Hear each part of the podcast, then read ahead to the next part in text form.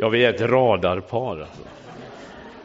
Inget par. E, egentligen bara en enda gång som e, vi agerade par på riktigt. Ja, alltså jag tänker på... Det lät väldigt... E, ja. Jo, jag tänker på... Vi var i... Det är inte så farligt som ni tror. Vi var i Kongo, Kinshasa för några år sedan. Och eh, flygplatsen där är inte att leka med. Alltså. När man landar där så, så är risken stor för, för att det händer saker och ting. Alltså inte direkt rån, men man kan bli av med väskor och det, ja, man blir närmast antastad. Men då hade jag hört innan att tar man bara på en rundkrage så eliminerar man 90 procent av riskerna. De har en viss respekt för pastorer där. Va? Så jag hade på rundkragen där, jag bytte om med all hast på flyget där och sen så gick Hanna och höll mig under armen där som en, som en pastorsfru där. Ja, det, det funkade väldigt bra alltså. Ja, men vi är alltså inte gifta. Det kan vara bra att tillägga. Vi är däremot väldigt goda vänner, som du sa. David, jätteroligt att vara här ikväll. Och vi kommer prata mycket utifrån den bok vi har skrivit, Med hela ditt liv, där. Köp! När, när vi skrev den så... Leif är ju... Jag tänkte jag skulle presentera Leif lite. Alltså att han är en extremt intelligent människa som är väldigt duktig i både tal och skrift. Och när, jag, jag tror, när vi skrev den boken, så under tiden jag skrev min del, så skrev han tre andra böcker. Nej, nu överdriver du. så det är ganska deprimerande att jobba med en sån människa, eh, på ett sätt. Men annars var det ju så att vi lärde känna varandra när jag läste teologi på Korteboskolan för många år sedan. Och eh, det blev ett samarbete sen där vi började med kurser på högskolan i religion och sexualitet. Och Leif är ju då i botten religionshistoriker och lektor i religionshistoria på Högskolan i Jönköping. Har skrivit massa böcker och varit här nu då och undervisat och är pastor i Equmeniakyrkan.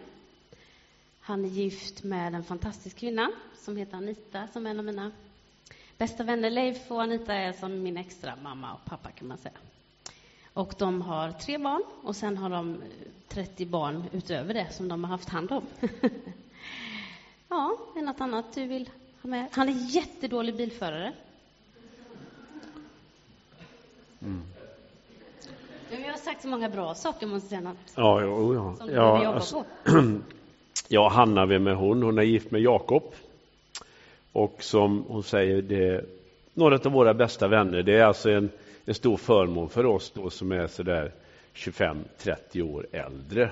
Så att man, man eh, får umgås med ett yngre par så, det känns väldigt bra. Och eh, Hanna, vad är hon? Ja, hon eh, är väldigt duktig. Hon är terapeut, hon är barnmorska, som vi hörde här. Och hon är väldigt duktig på det här med att möta människor i samtal. Hon är bra på att undervisa också. Och eh, du går nu på en psykoterapeututbildning. Plus samtidigt, alltså det är en sån här superwoman här, samtidigt som hon går på en mastersutbildning i sexologi. För du är sexolog också i botten. Så att eh, det är en ganska kunnig kvinna det här, ska jag säga. Och eh, i, i vårat fall då så säger jag jag har hand om religionen och han har hand om sexet. Så att är det mer specifikt frågor av den arten så får ni ställa den till henne här. Och är det så att ni har problem med Paulus eller så, så kan ni prata med mig. Är det någonting du vill att jag ska tillägga? Eller? Nej, det är jättebra. Är det, inget jag som, är det inget jag är dålig på som du vill poängtera? Jo, du är väldigt slarvig. Ja. Och extremt vårdslös med dyra saker. Eh, vi var i Indien en gång och eh, då ställde hon sin laptop på en sån här smal hylla. Och jag sa till direkt, ta bort datorn därifrån. Ja, men det ordnar sig. Och sen en minut efter så låg den i backen då och trasig. 10 000 kronor. So what? Liksom, va? Det, och det är inte enda gången, utan telefoner brukar hon massakrera rätt ofta också. Spräckta glas och sånt där. Då. Ja, du själv bad om att jag skulle säga ja, något jo. negativt. Jag trodde du skulle säga så många saker. jag ringde hem till min man. Min mans chef sitter ju här idag, så får väl vara lite försiktig kanske med vad jag säger. Men jag ringde hem till min man och, och skämdes väldigt över den här datahistorien. Men han känner ju mig väldigt väl, så han sa, men Hanna, det är därför jag har så mycket försäkringar. Med andra ord har han gett upp alltså. Ja. Vi tänkte idag, vi föreläser ju i många olika sammanhang och vi tänkte idag skulle lägga upp det lite mer som ett samtal. Uh, att jag, vi ställer lite frågor till varandra och kanske ibland avbryter varandra någonting. Och uh, utifrån Bibeln och sexualitet. Och det här är ju, jag tycker det här är ett jättefascinerande ämne. Jag tycker det är jättespännande. Men det är också så att det här är de ämnena där vi är som mest sårbara och där det kan bli som mest jobbigt. Det handlar om vår kroppsbild och vår självbild och hur vi tänker att andra ser om oss, på oss, hur vi ser på oss själva och hur vi ser på andra. Och jag brukar säga att om man ska jobba med de här frågorna i samtal så finns det egentligen en lärjunge som man behöver ha lite mer förkärlek till. Man behöver tycka om den lärjungen lite, lite mer än de andra. Och det är faktiskt Judas. För Judas har blivit prototypen över den som misslyckas och som begår de värsta av brott. Han säljer sin Gud för 30 silverpenningar. Och det är viktigt att få ha en kärlek till den sidan i sig själv, men också i andra människor. Den sidan där vi känner att vi misslyckas, där vi kanske ibland har onda avsikter och där vi inte lyckas leva upp till det vi önskar.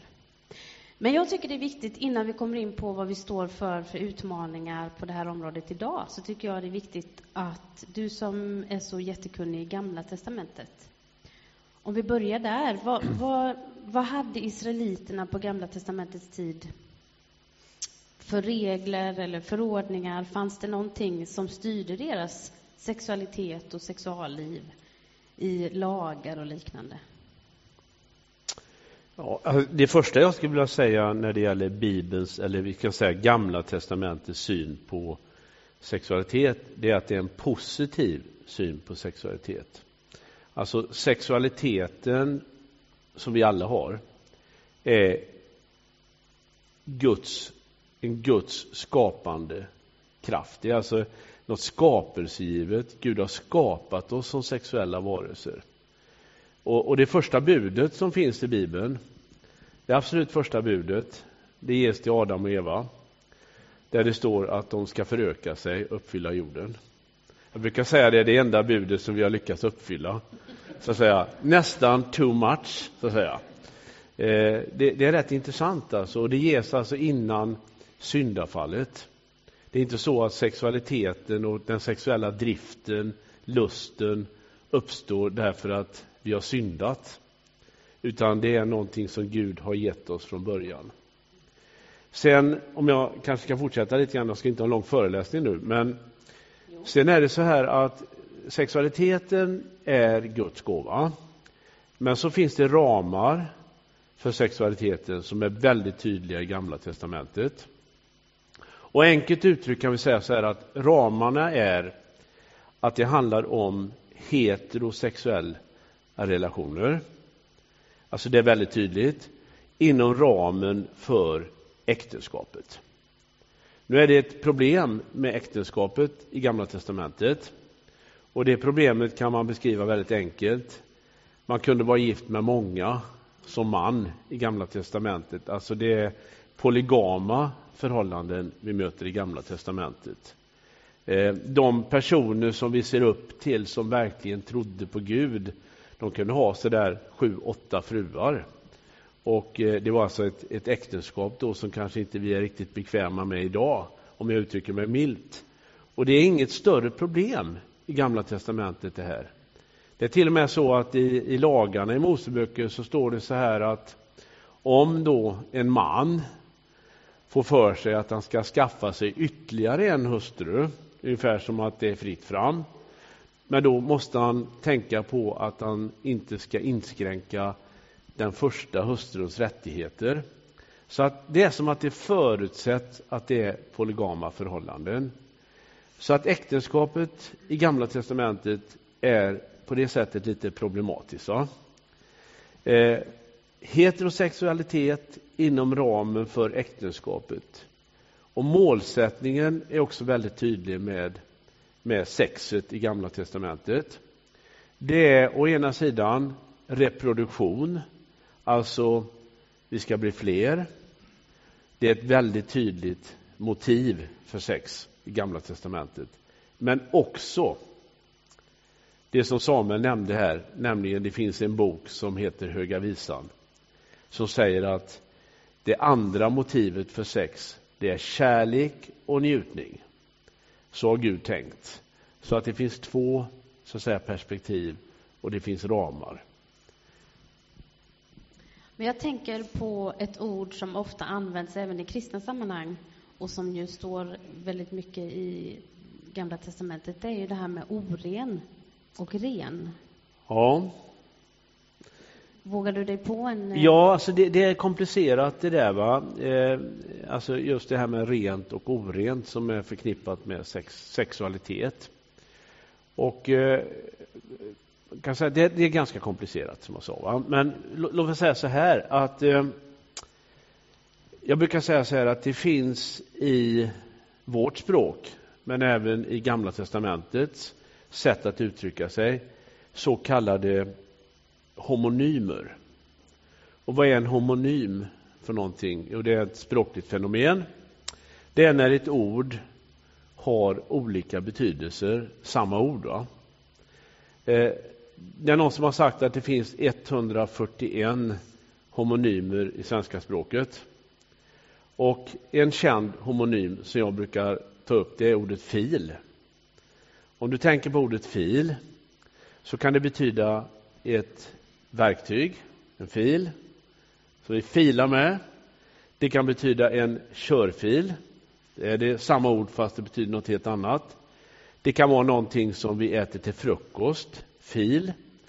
Vi äter lite fil till frukost. Och det kan vara en datafil. Alltså ett ord, fyra olika betydelser. Och så är det med rent och orent också. Alltså det har olika betydelser beroende på vilket sammanhang det förekommer. Och det är egentligen tre betydelser. Det blir ett bibelstudium här. Den första betydelsen, det är det jag brukar kalla för moralisk renhet, orenhet. Och det handlar då om att vi bryter mot Guds vilja. Det vill säga att jag mördar någon, jag förtalar någon, jag stjäl. Ja, det som är väldigt tydliga brott. Då blir jag oren, moraliskt sett. Och enda sättet att bli ren från den typen av orenhet, det är att bekänna sina synder inför Gud, så att han förlåter oss och så blir vi rena. Det är ett bildspråk. Va? Den andra betydelsen av rent och oren, den brukar man kalla för rituell renhet och orenhet. Den handlade om att israeliterna vid vissa tillfällen blev rituella, rituellt orena och då fick de inte delta i gudstjänsten. Det kunde vara till exempel om man hade vidrört något som var dött. Då var man rituellt oren kanske x antal dagar efteråt. Men det kunde också innebära att när en kvinna hade menstruation så var hon rituellt oren under själva blödningen och sju dagar efteråt och sen var hon ren igen. Under tiden hon är oren så fick hon inte gå till templet, inte delta i gudstjänsten och man fick inte heller ha sex under den här orenhetsperioden. Eh, man kunde också bli, man blir också sexuellt oren när man hade haft samlag. Då står det att både mannen och kvinnan är rituellt orena ett dygn efteråt. Eh, och vi, vi, kanske tycker det är helt oförklarligt. Och då fick man inte besöka gudstjänsten. Poängen med den här rituella renheten, och orenheten, det är att det handlar inte om synd. Är ni med? Utan det handlar bara om att man inte fick göra vissa saker under tiden man var rituellt oren eh, jämfört med när man var rituellt ren. Eh, det handlar alltså inte om synd alls på något sätt. För det kan ju knappast vara synd att ha menstruation. Om jag har förstått det rätt. I så fall är jag syndfri, halleluja. Eh, och det kunde ju knappast heller vara synd att vidröra någon som var död. Det är ju till och med så att Gud uppmanade israeliter i Gamla testamentet att bli orena i den meningen att de skulle ta hand om en nära släkting som hade dött, till exempel sina föräldrar. Och att inte göra det, det var ju en stor skam egentligen. Men samtidigt så när man vidrörde någonting som var dött så var man rituellt oren. Och det är en gåta varför man inte fick gå till gudstjänsten, inte delta i kulten när man var rituellt oren. Men eh, ja, kan det, kan jag ska ta på den tredje också innan du ställer frågan. Den är väldigt enkel. Den tredje handlar om ren och oren föda. Alltså israeliterna fick bara äta viss mat som betecknades som ren och de skulle undvika det som var orent. Och det är den tredje betydelsen, men den kan vi lämna här. Ja. Jag tänker att i det fallet som har med rituell orenhet och renhet, att det kanske också har att göra med den skapelseprocess som Gud startade när han skapade jorden. Och det står att vi är hans avbild. Och i hans skapelse så skapar han och sen vilar han. Att i den här rituella orenheten så är man i ett vilande stadie. Skulle man kunna tänka så?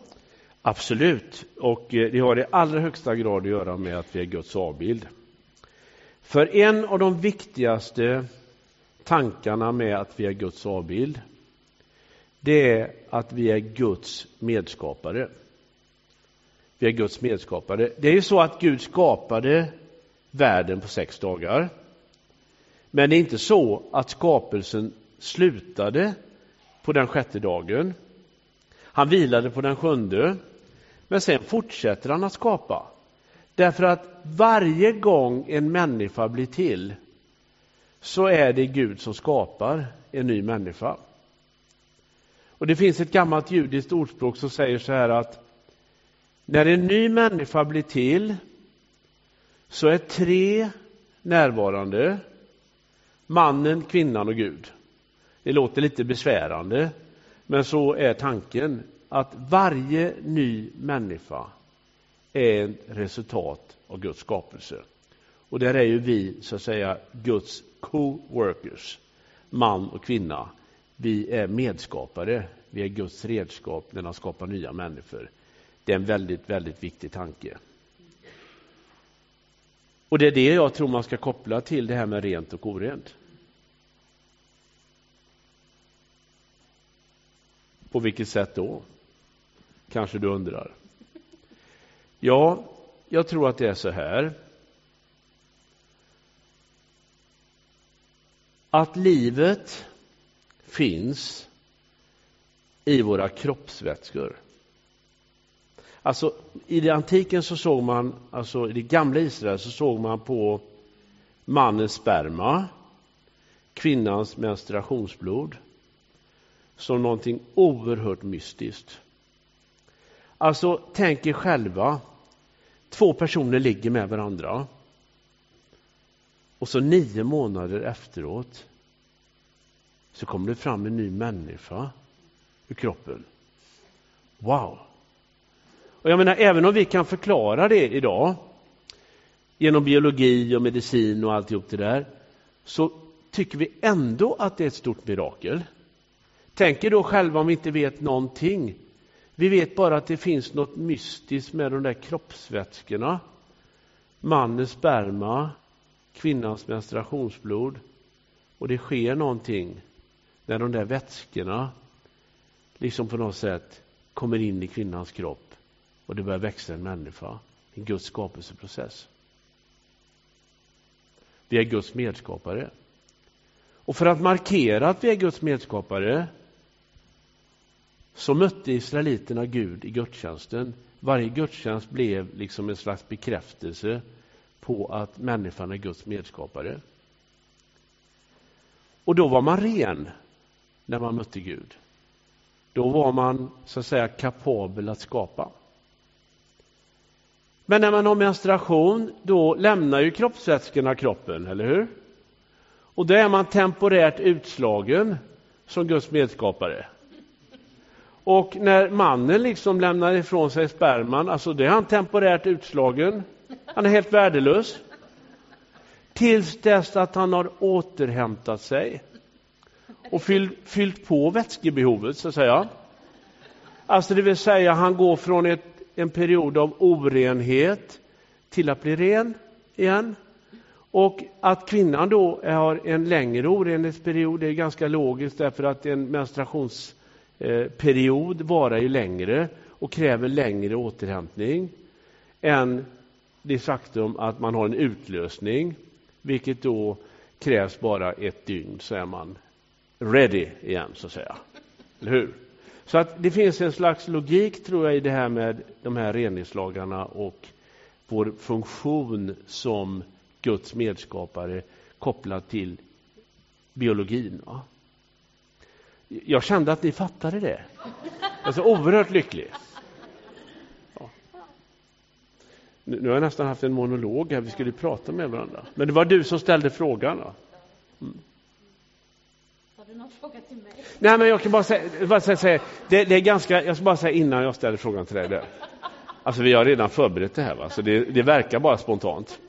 Nej, men det, det, finns en, det finns en poäng i det här med renhetsperioden också. Därför att tänk er själva då att kvinnan har menstruation, ger ifrån sig menstruationsblod. Det är inte var dag vi pratar om sånt här i Slättenkyrkan. Eh, och sen så går det x antal dagar efter menstruation och så är hon ren. Och så har de samlag. Det är ju den period i menscykeln då det är som störst chans för en graviditet också. Därför att där någonstans brukar ju ägglossningen komma. Nu är jag inne på ditt område här.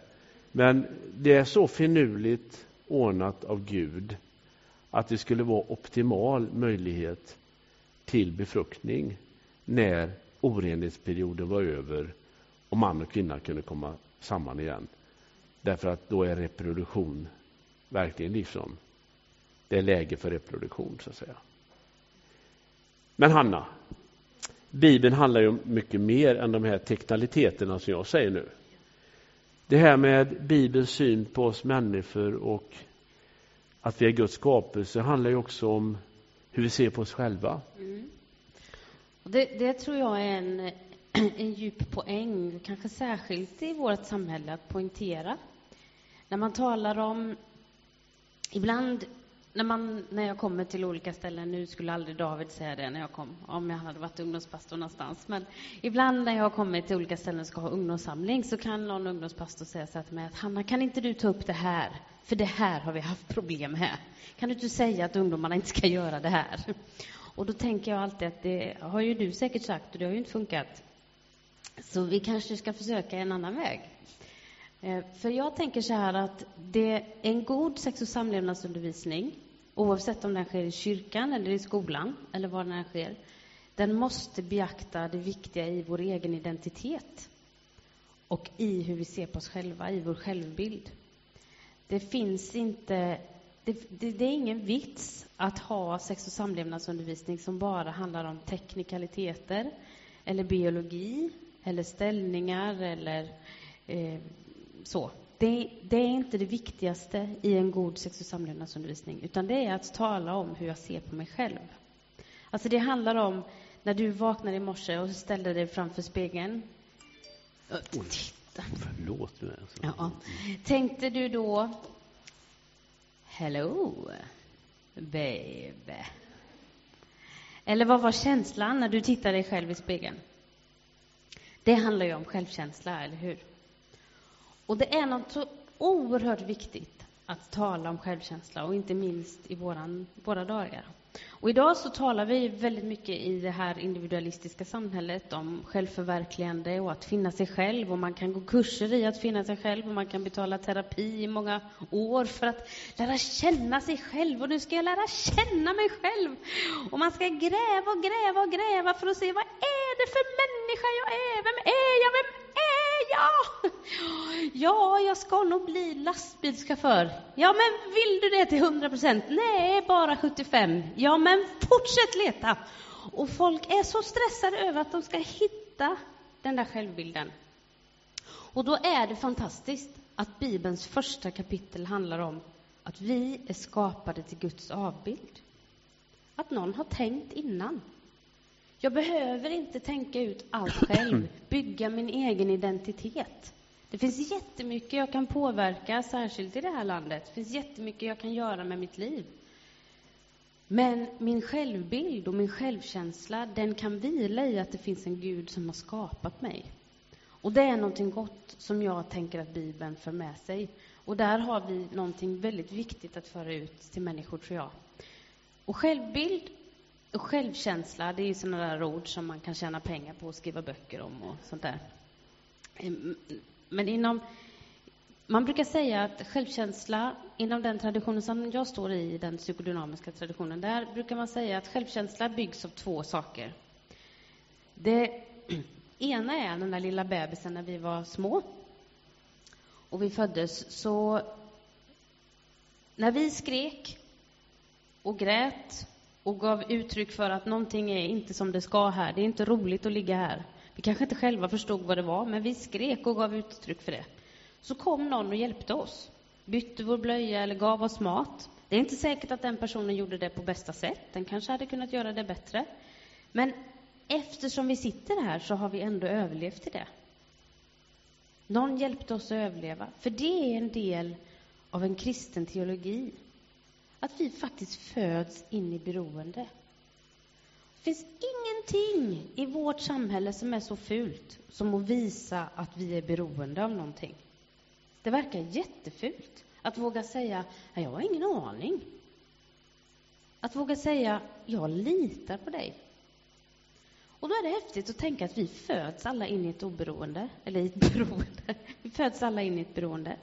Och då lär vi oss, när vi ger uttryck för att vi behöver någonting och människor kommer till vår hjälp, att vår omgivning kan vilja oss väl.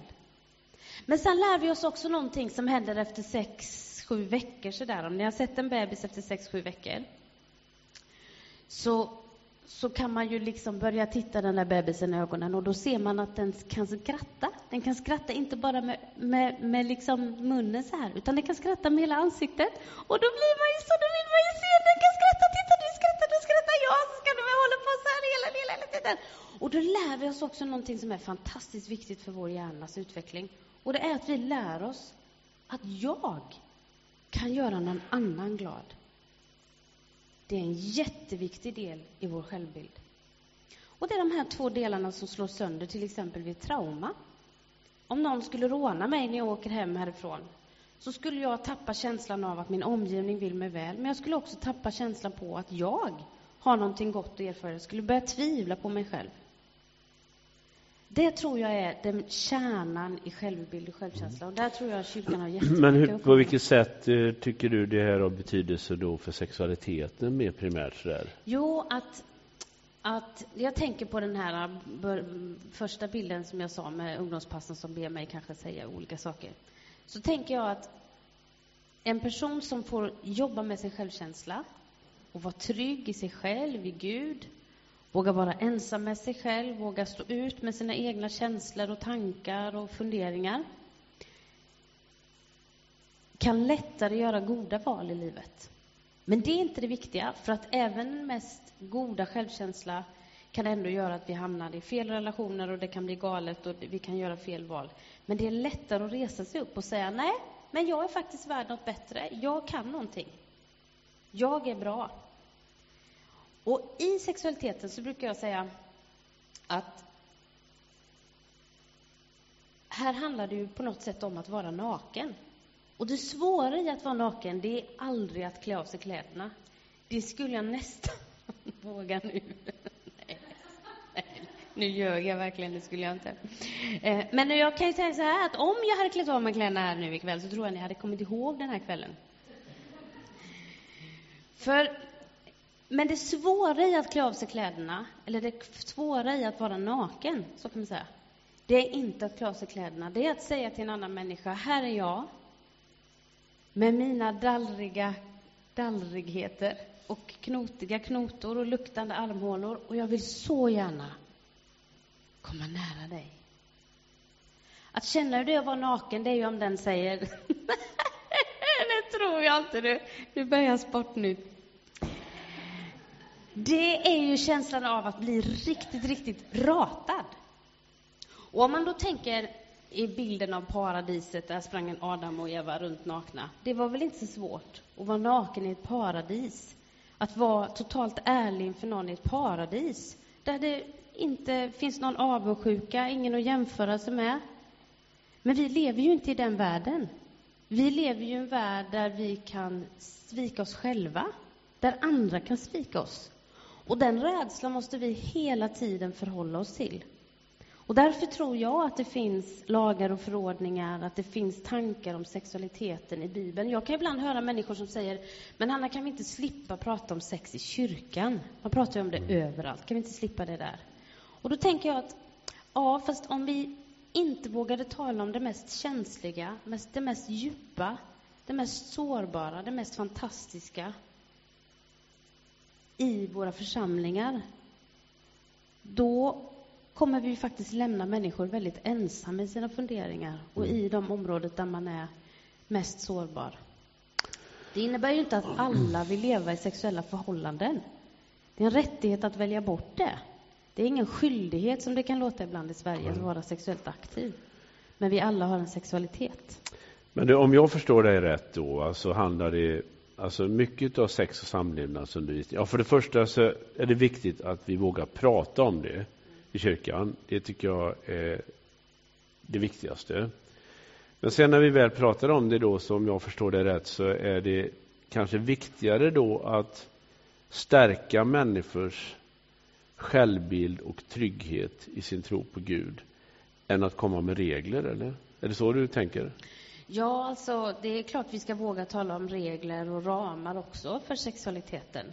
Men det kanske är så att en del av kyrkans dåliga självförtroende när det handlar om sexualitet, vi vågar ju inte alltid prata om det här, beror ju på att vi vet eh, har en historia med oss där människor har mm. blivit sårade på det här området och man har kört över människor och man har känt sig besviken och då vågar vi kanske inte riktigt alltid ta i det.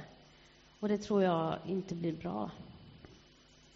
Men om vi går vidare i dina ämnen lite mer. Hur har sexualiteten, vad finns det för skillnader och likheter mellan hur sexualiteten ur ett bibliskt perspektiv har tolkats i judendomen eller kristendomen? Finns det några skillnader där? Ja, det finns stora skillnader. Det finns likheter också. Alltså, att vi pratar om judendom, det är ju för att judarna har ju samma bibel som vi. Alltså två tredjedelar av Bibeln har vi gemensamt med eh, det som vi kallar judendomen. Och då är det viktigt, tror jag, att lyssna på också hur de har tolkat Bibeln. Va? De har någonting att lära oss och vi har någonting att lära dem. Va? Men när det gäller just judendomens syn på sexualitet så kan man säga att den, den är fortsatt väldigt positiv. Alltså man tog fasta på det här jag pratat om i Gamla testamentet och det har alltid kännetecknat judendomen att man har haft en oerhört positiv syn på sexualitet utan att ta bort ramarna. Eh, och när det gäller de här polygama förhållandena som finns i Gamla testamentet så eh, har judendomen eh, inte fortsatt kan man säga med polygama förhållanden i stort utan man tror på Eh, alltså ett äktenskap idag mellan man, en man och en kvinna. Så att man har övergett den här gammaltestamentliga polygama förhållandena. Man säger så här att det blir alldeles för komplicerat. Och jag håller med dem, höll jag på att sagt, jag har ingen erfarenhet av det här. Va? Men jag menar, bara det här, ni vet att man ska komma överens flera personer är inte lätt. Jag tycker det räcker med en personligen. Men man har varit väldigt positiva och alltså det har varit ett väldigt fokus kan man säga i judendomen på reproduktion. Och det är inte konstigt. Jag menar, judarna har varit ett litet folk. De har hotats av utrotning gång på gång. Och eh, de har till exempel de har ibland liksom blivit dödade i hundratusentals. Vilket gör att det här folket har liksom hela tiden fått kämpa för sin existens. Ni vet judehatet och antisemitism och alltihop det där. Vilket gör att man har haft hög prioritet på att vi måste bli fler. Och man har betonat det väldigt starkt. Samtidigt som man har haft en förmåga att också betona det här att sex också till för njutnings skull, kärleks skull. Och Det kan man säga är ett, ett, någonting som har kännetecknat och kännetecknar judendomen. Alltså sex är någonting skapelsegivet, det är en gåva från Gud och det är någonting som vi ska ta emot med tacksamhet. Det är, kan man säga, den, i, i, i, liksom i sammandrag, den judiska uppfattningen. Men varför, varför har kyrkan ett bagage av att ha varit... Alltså om jag skulle, vi skulle fråga folk här på, på stan i Norra Hammar. Säger man på stan? jo, det gör man. Eh, skulle, skulle de säga, jo, men kristna har en positiv syn på sex? Nej, jag pratade om judendomen nu. Eh, om vi nu jämför det med kristendomen då, så var det så här att när Jesus kom så var det ju så trodde ju, alltså det som är kristen tro, det är att vi tror att Jesus är Messias. Vi tror att han är den här frälsaren som finns utlovad i Gamla testamentet genom profeter och genom hela historien. Att en gång ska Gud sända en frälsare. Och när han kommer, då är liksom allt fullbordat. Därför att då, då kommer liksom Guds rike att, att komma och alltihop det där. Och när, de, när då Jesus kom och de första kristna liksom hade, det här är Jesus, nu är det Messias som har kommit. Ja, då tänkte ju de, de är judar va, de första kristna. Då tänkte de att ja, det här med att reproducera sig kanske inte är så viktigt längre. Därför att nu har Messias kommit. Och eh, därför så kan man säga i Nya Testamentet så står det inte mycket om sex. Det är förhållandevis nästan ingenting sägs om sex. Och det finns inga sexuella förebilder i Nya Testamentet. Paulus var inte gift till exempel och han önskar ju att alla skulle vara ogifta. Så han är en riktig muntergök kan man säga. Och, och, Jesus var inte gift. Då. Och det är inget stort ämne alls i Nya Testamentet. Det är väldigt svårt liksom att hitta texter i Nya Testamentet som ge sexuella råd eller någonting sådär. Va? Det är liksom en icke-fråga. Men sen kom ju inte Jesus. Alltså Jesus kom, men han skulle ju komma tillbaks, men han kom inte tillbaks. Va? I början trodde de att Jesus skulle komma väldigt snart, men så insåg alla att han dröjer. Och han har inte kommit än. Bara som en upplysning, så ni vet det. Vi väntar ju fortfarande på Jesu återkomst. Och ändå har kyrkan bestått i 2000 år. Och ganska tidigt så insåg man att vi måste reproducera oss också som kristna. Annars så dör församlingen ut. Ja, vi kan ju missionera och så förstås. va. Så att den tanken kom tillbaks. Men så kom det en ny tanke in. Nämligen att det här med det kroppsliga, materiella, det är någonting sämre värt, ja, någonting ont egentligen. Utan det är det andliga som är det goda. Och då uppstår en ny tanke som egentligen inte finns, menar jag, i Bibeln. Att man sätter ett motsatsförhållande mellan andligt och materiellt, andligt, kroppsligt. Det var ett tänkande som kom in från grekerna i kyrkan. Och plötsligt börjar man upphöja Maria som den oskuldsfulla, eviga jungfrun som aldrig haft sex. Hon blir det nya föredömet.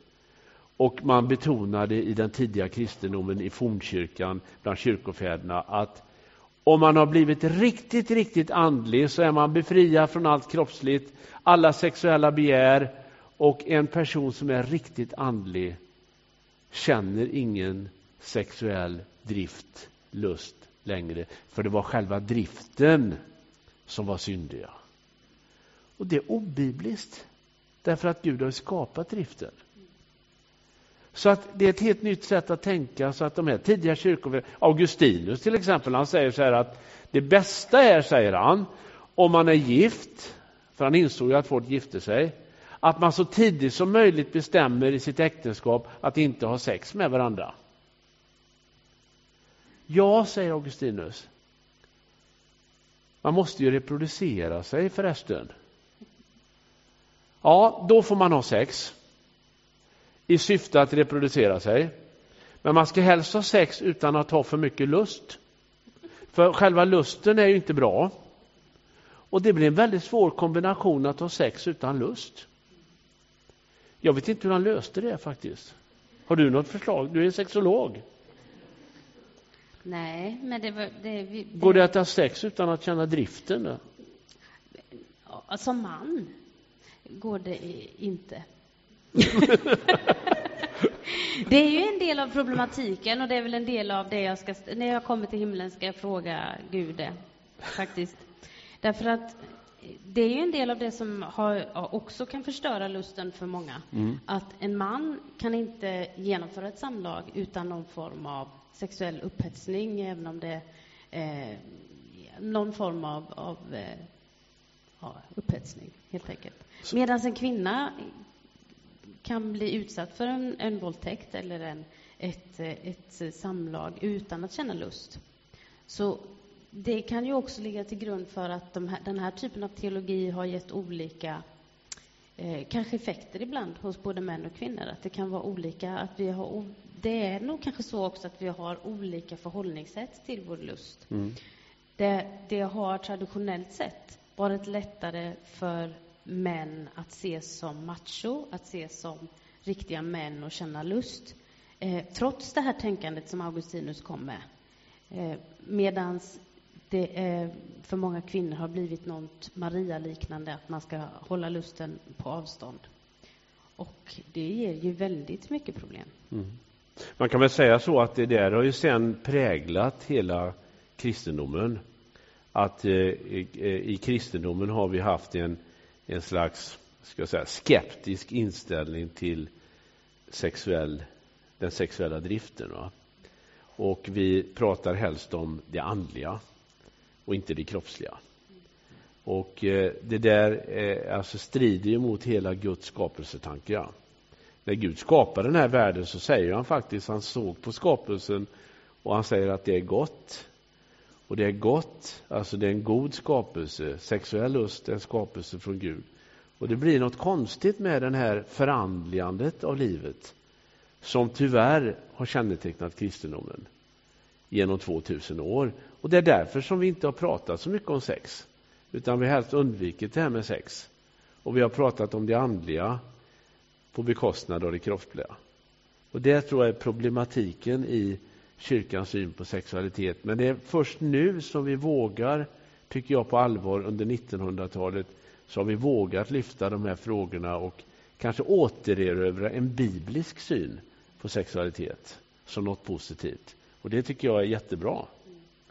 Jag menar, vi sitter ju här och pratar om det nu.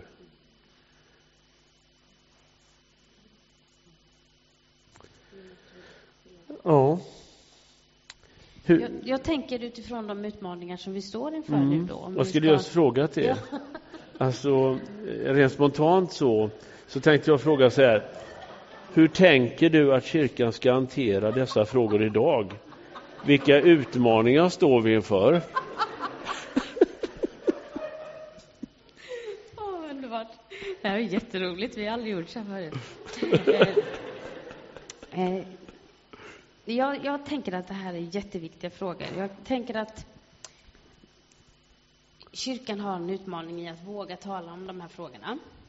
Men det har ju också funnits, eh, om vi backar lite, i årtionden här, ganska mycket stridigheter, inte minst när det gäller äktenskapet. Vem är äktenskapet eh, ägnat för? Och det har varit mycket diskussioner om samkönade äktenskap. Men om vi börjar med äktenskapet överhuvudtaget när vi talar om det, så tror jag det finns, vi har stora utmaningar att våga tala om äktenskap på ett gott sätt, att våga tala om livslånga relationer på ett gott sätt. Att våga tala om relationer där vi vågar vara beroende av varandra på ett gott och nytt sätt. Det är ju ingen tillfällighet att i Bibeln så används äktenskapet ofta som en bild på Guds kärlek till sitt folk. När det gäller trohet, men också i att besluta sig för, visst, Gud ser flera gånger att israeliterna väljer att gå ifrån honom, men bestämmer sig ändå för att det här är mitt folk. Att kärlek i en tid av väldigt mycket flyktighet också är ett beslut. Och där tror jag vi har en utmaning. Det finns ju... Det är väldigt intressant det här. alltså det är en svår fråga. Eh, vad är kärlek då? Alltså vi har ju vant oss vid att kärlek det är någonting som är förknippat med känslor. Men du menar att kärlek är någonting mer? På vilket sätt då? Jo, men absolut. Alltså kärlek, om kärlek bara var känslor, jag tror det är väldigt få som egentligen tycker det. Om man börjar skrapa på ytan, för att eh, känslan kan ju försvinna i stunden hela tiden. Jag kan ju, alltså kärlek kanske egentligen, alltså när vi blir förälskade, det som händer då är att vi blir lite, lite, lite, lite, lite, lite, lite, lite psykiskt sjuka. vi blir, hjärnan blir lite förvrängd för en liten stund. Men efter ett tag så går de här delarna över till andra delar av hjärnan som är mer logiskt tänkande och förnuft. Och det är ibland där vi säger att kärlek finns. För i kärlek så finns den här känslan av att jag blir galen på dig. Men jag väljer ändå dig. Det är kärlek, att kunna stå ut med någon. Jag tänker inte att Gud älskar mig därför att jag är perfekt, utan mitt i min operfekta situation så älskar han mig. Det är kärlek. Så jag tänker att kärlek är... Vi behöver hitta ett sätt att våga förmedla detta. Men också eftersom vi då inte lever i det där paradiset som är tryggt så är just äktenskapet en viktig signal till oss själva och till eh, vår, de som eh, ser oss göra detta beslut. Att det blir en väldigt viktig... För det, det man säger vid en vigsel, när man säger ja, det, det egentligen det man också säger, det är ju att man säger nej till alla andra. Fast det skulle ju bli en väldigt lång vigsel om man var tvungen att räkna upp alla. Säger du nej till Kalle Olofsson? nej, jag vill inte ha eh, Det blir väldigt lång. Utan vi säger ja. Och det, har du din bibel där? Kan inte du slå upp Johannes 14? Mig. Det var ju så här, på, på Jesu tid, när en pojk bestämde sig för att jag ska fråga den där pappan där borta om jag kan få gifta mig med hans dotter. Hon var väldigt vacker. Då gjorde han så att han gick till den här pappan och så om pappan tyckte det här var en bra pojk eh, så ordnade man en fest. Och då läste den här pojken de ord som jag ska läsa nu. Som är de här. I Johannes 14 så står det så här. Då sa den här pojken till flickan så här. Känn ingen oro. Tro på Gud och tro på mig. I min faders hus finns många, för att, finns många rum. Skulle jag annars säga att jag går bort för att bereda plats för dig? Om jag nu går bort och bereder plats för dig, så ska jag komma tillbaka och hämta dig till mig för att du ska vara där jag är. Och vägen dit jag går, den vet du. Så när Jesus sa de här orden så visste de som hörde det att det här är, en, det här är ett frieri. Ett äktenskap är en bild i Bibeln på Guds kärlek till sitt folk. Det som hände om flickan då bestämde sig för att det här var en bra pojk, som hon kunde tänka sig, pojkman, eh, han var nog lite äldre än henne, så gjorde han faktiskt så. Hon, hon gick hem och så tog hon en sån här oljelampa som ni har här bakom, ställde den i sitt fönster hemma, så att alla som gick förbi såg att där bor någon som är tingad. Där bor det någon som är paxad. Det är en väldigt fin bild. Pojken gick hem och byggde bokstavligen på en till våning på huset. Och sen träffades de inte förrän man gifte sig. Och då kommer vi till den här frågan som jag så ofta får. Hur långt får man gå? Vad är sex? Måste man vänta med sex till efter äktenskapet? Och då är det en väldigt intressant ordvrängning här som jag skulle vilja säga. Och det är egentligen att sex är i ett bibliskt perspektiv äktenskap. Sex i Bibeln är att bli ett. Så i den, i ljuset av det, så går det inte att säga att man ska vänta med sex till efter äktenskapet. För att sex är äktenskap. Tanken är att det jag säger med min kropp vid sex, det är samma sak som man säger vid en vigsel med sin mun. Man säger ja till en annan människa. Jag var på ett ställe och skulle föreläsa och då den som, det var på en gymnasieskola och den som stod framför mig, han skulle prata och så sa han så här till alla ungdomar. Nu ungdomar, ni ska vänta med sex tills ni vill ha det. ganska logisk eh, uppmaning tyckte jag personligen. Men han var så väldigt, ni ska vänta med sex tills ni ska ha det. Vill du ha det? Och det låter ju jättebra. Men man kan också vänta, vända på det och säga ja, men det blir, kan också bli väldigt egoistiskt. Så, nu vill jag ha det. Kom.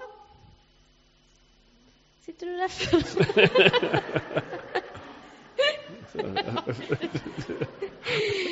Det blir en väldigt egoistisk bild. För tanken är inte med sex att det bara handlar om att jag ska ge mig till någon.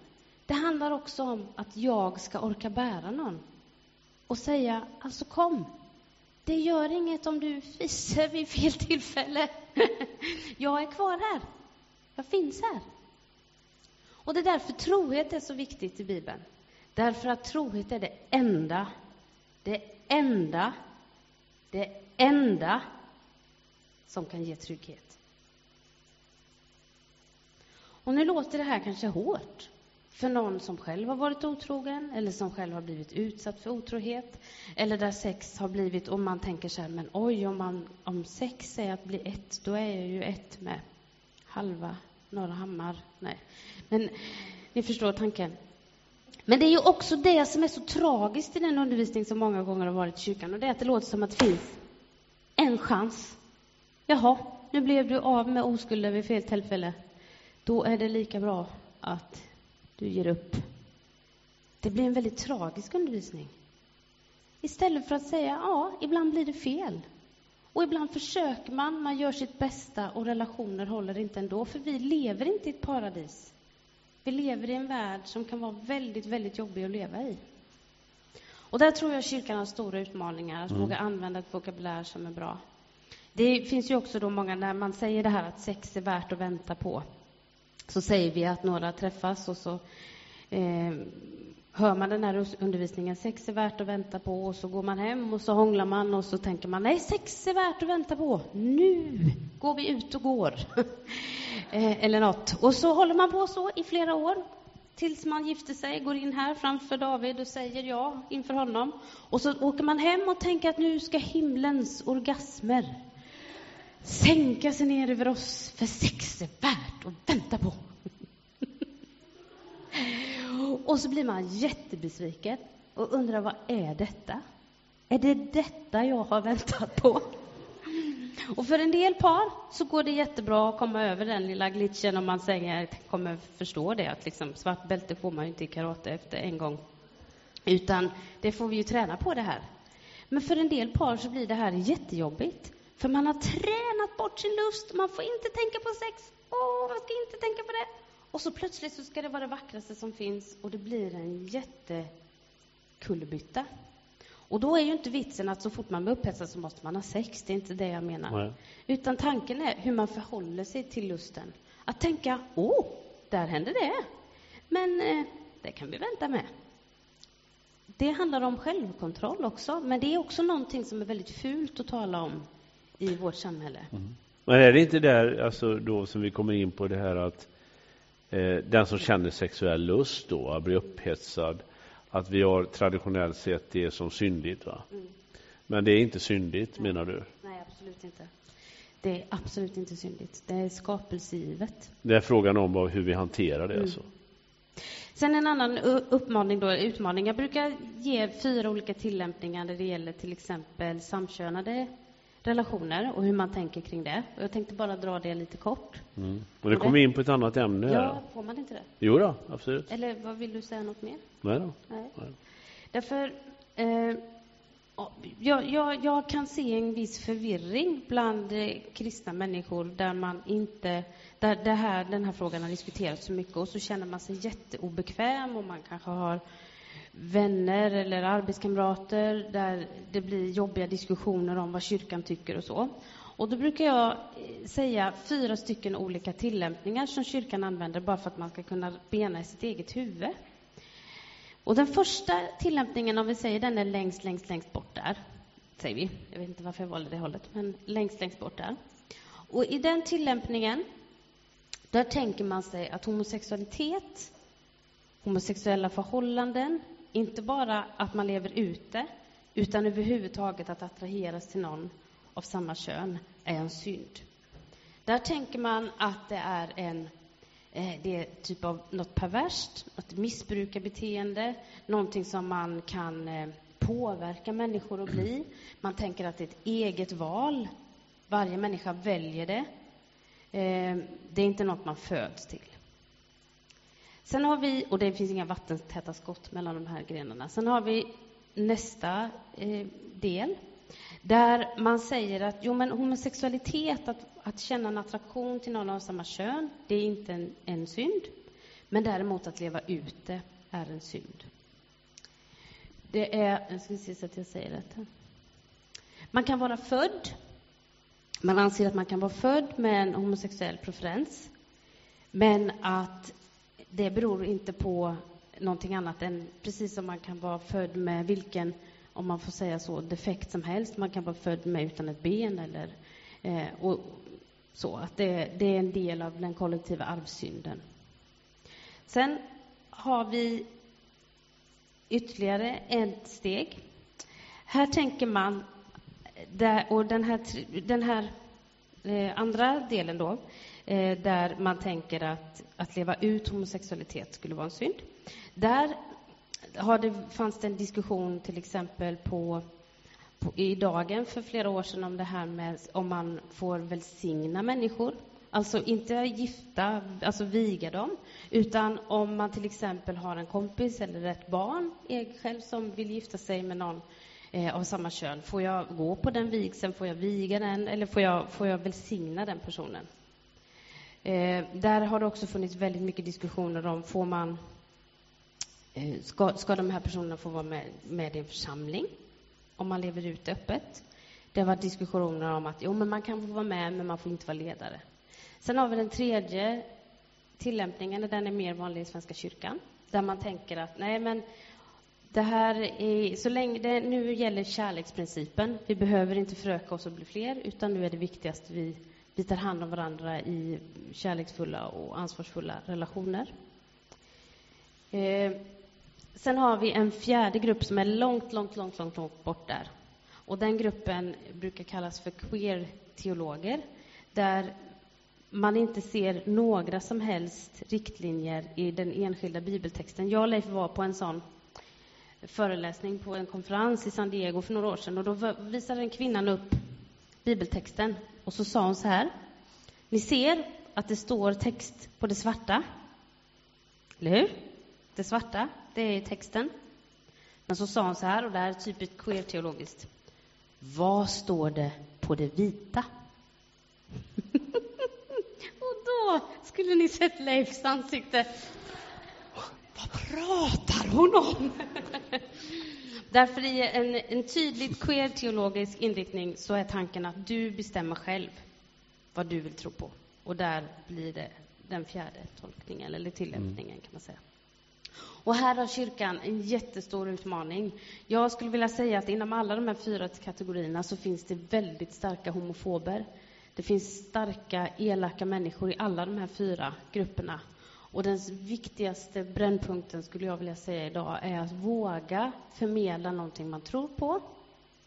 Våga förmedla kärlek samtidigt.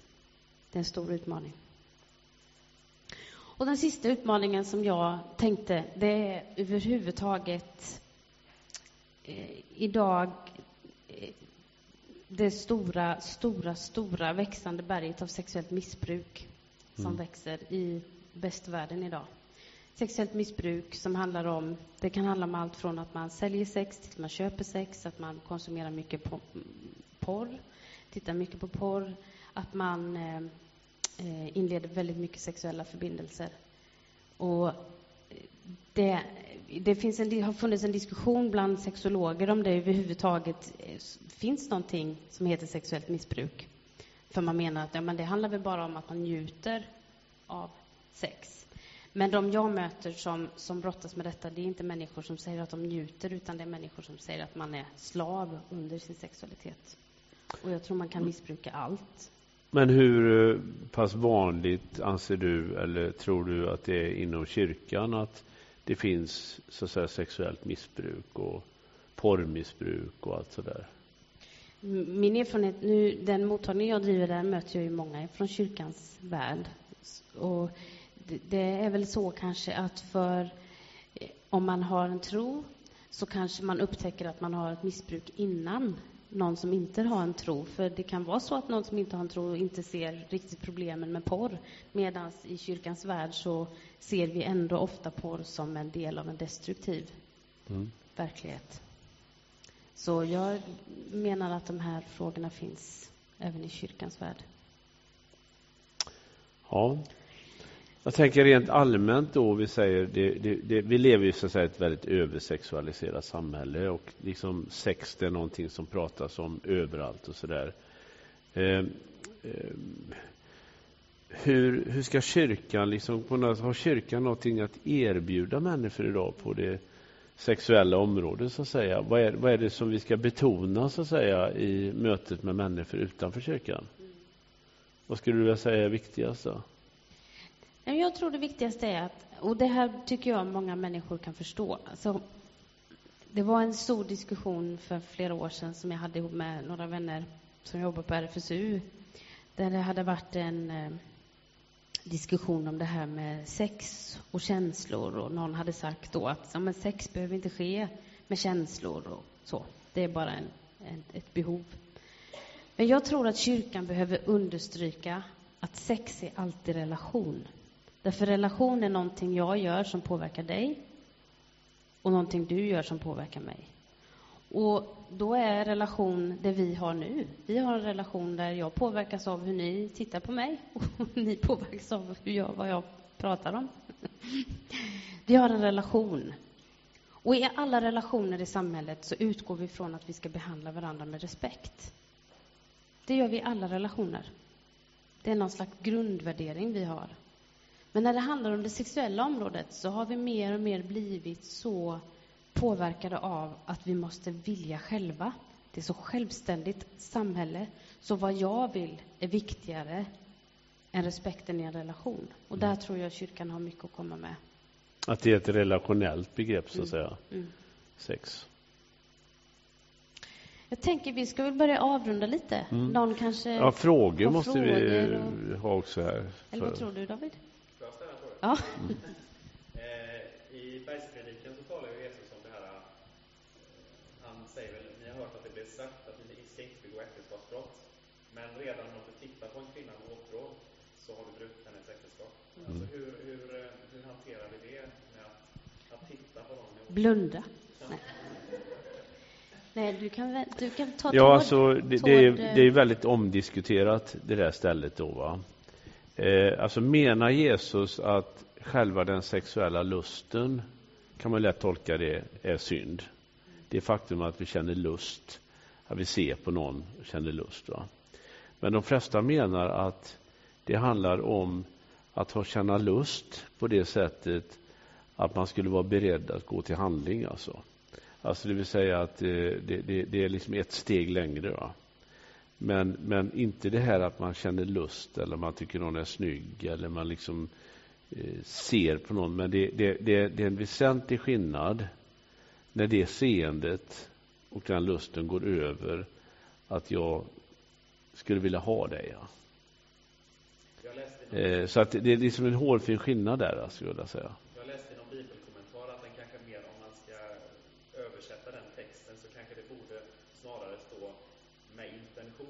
Exakt, exakt. Tord. Tord Fornberg säger det i sin bibelkommentar på Matteusevangeliet och det ligger väldigt det ligger väldigt stor, det är väldigt viktigt det tror jag, det du säger då. Mm. Frågan är hur intressant det är. Är det inte att man landar hela tiden i det där att, eh, att vi behöver sunda relationer och att det är det vi mår bra av. Jag brukar säga så här att när jag föreläser i, på högskolan och så, så säger jag så här att Ja, människan är ett, är ett flockdjur, säger jag. Det brukar gå hem. Men när jag är i kyrkan så säger jag samma sak, för då säger jag så här att människan är en relationsvarelse. Det låter mer fromt, men det är ungefär samma sak. Va? Alltså, vi är skapade för relationer. Ja, relationernas gemenskap. Vi är, vi är i den meningen relationsvarelser. Va? Vi mår väldigt bra när vi lever i sunda relationer. Jag tycker det är någonting som vi ska betona väldigt starkt i kyrkan. Och det tror jag är sånt som människor känner igen sig i också. Och det kan landa väldigt bra, tror jag.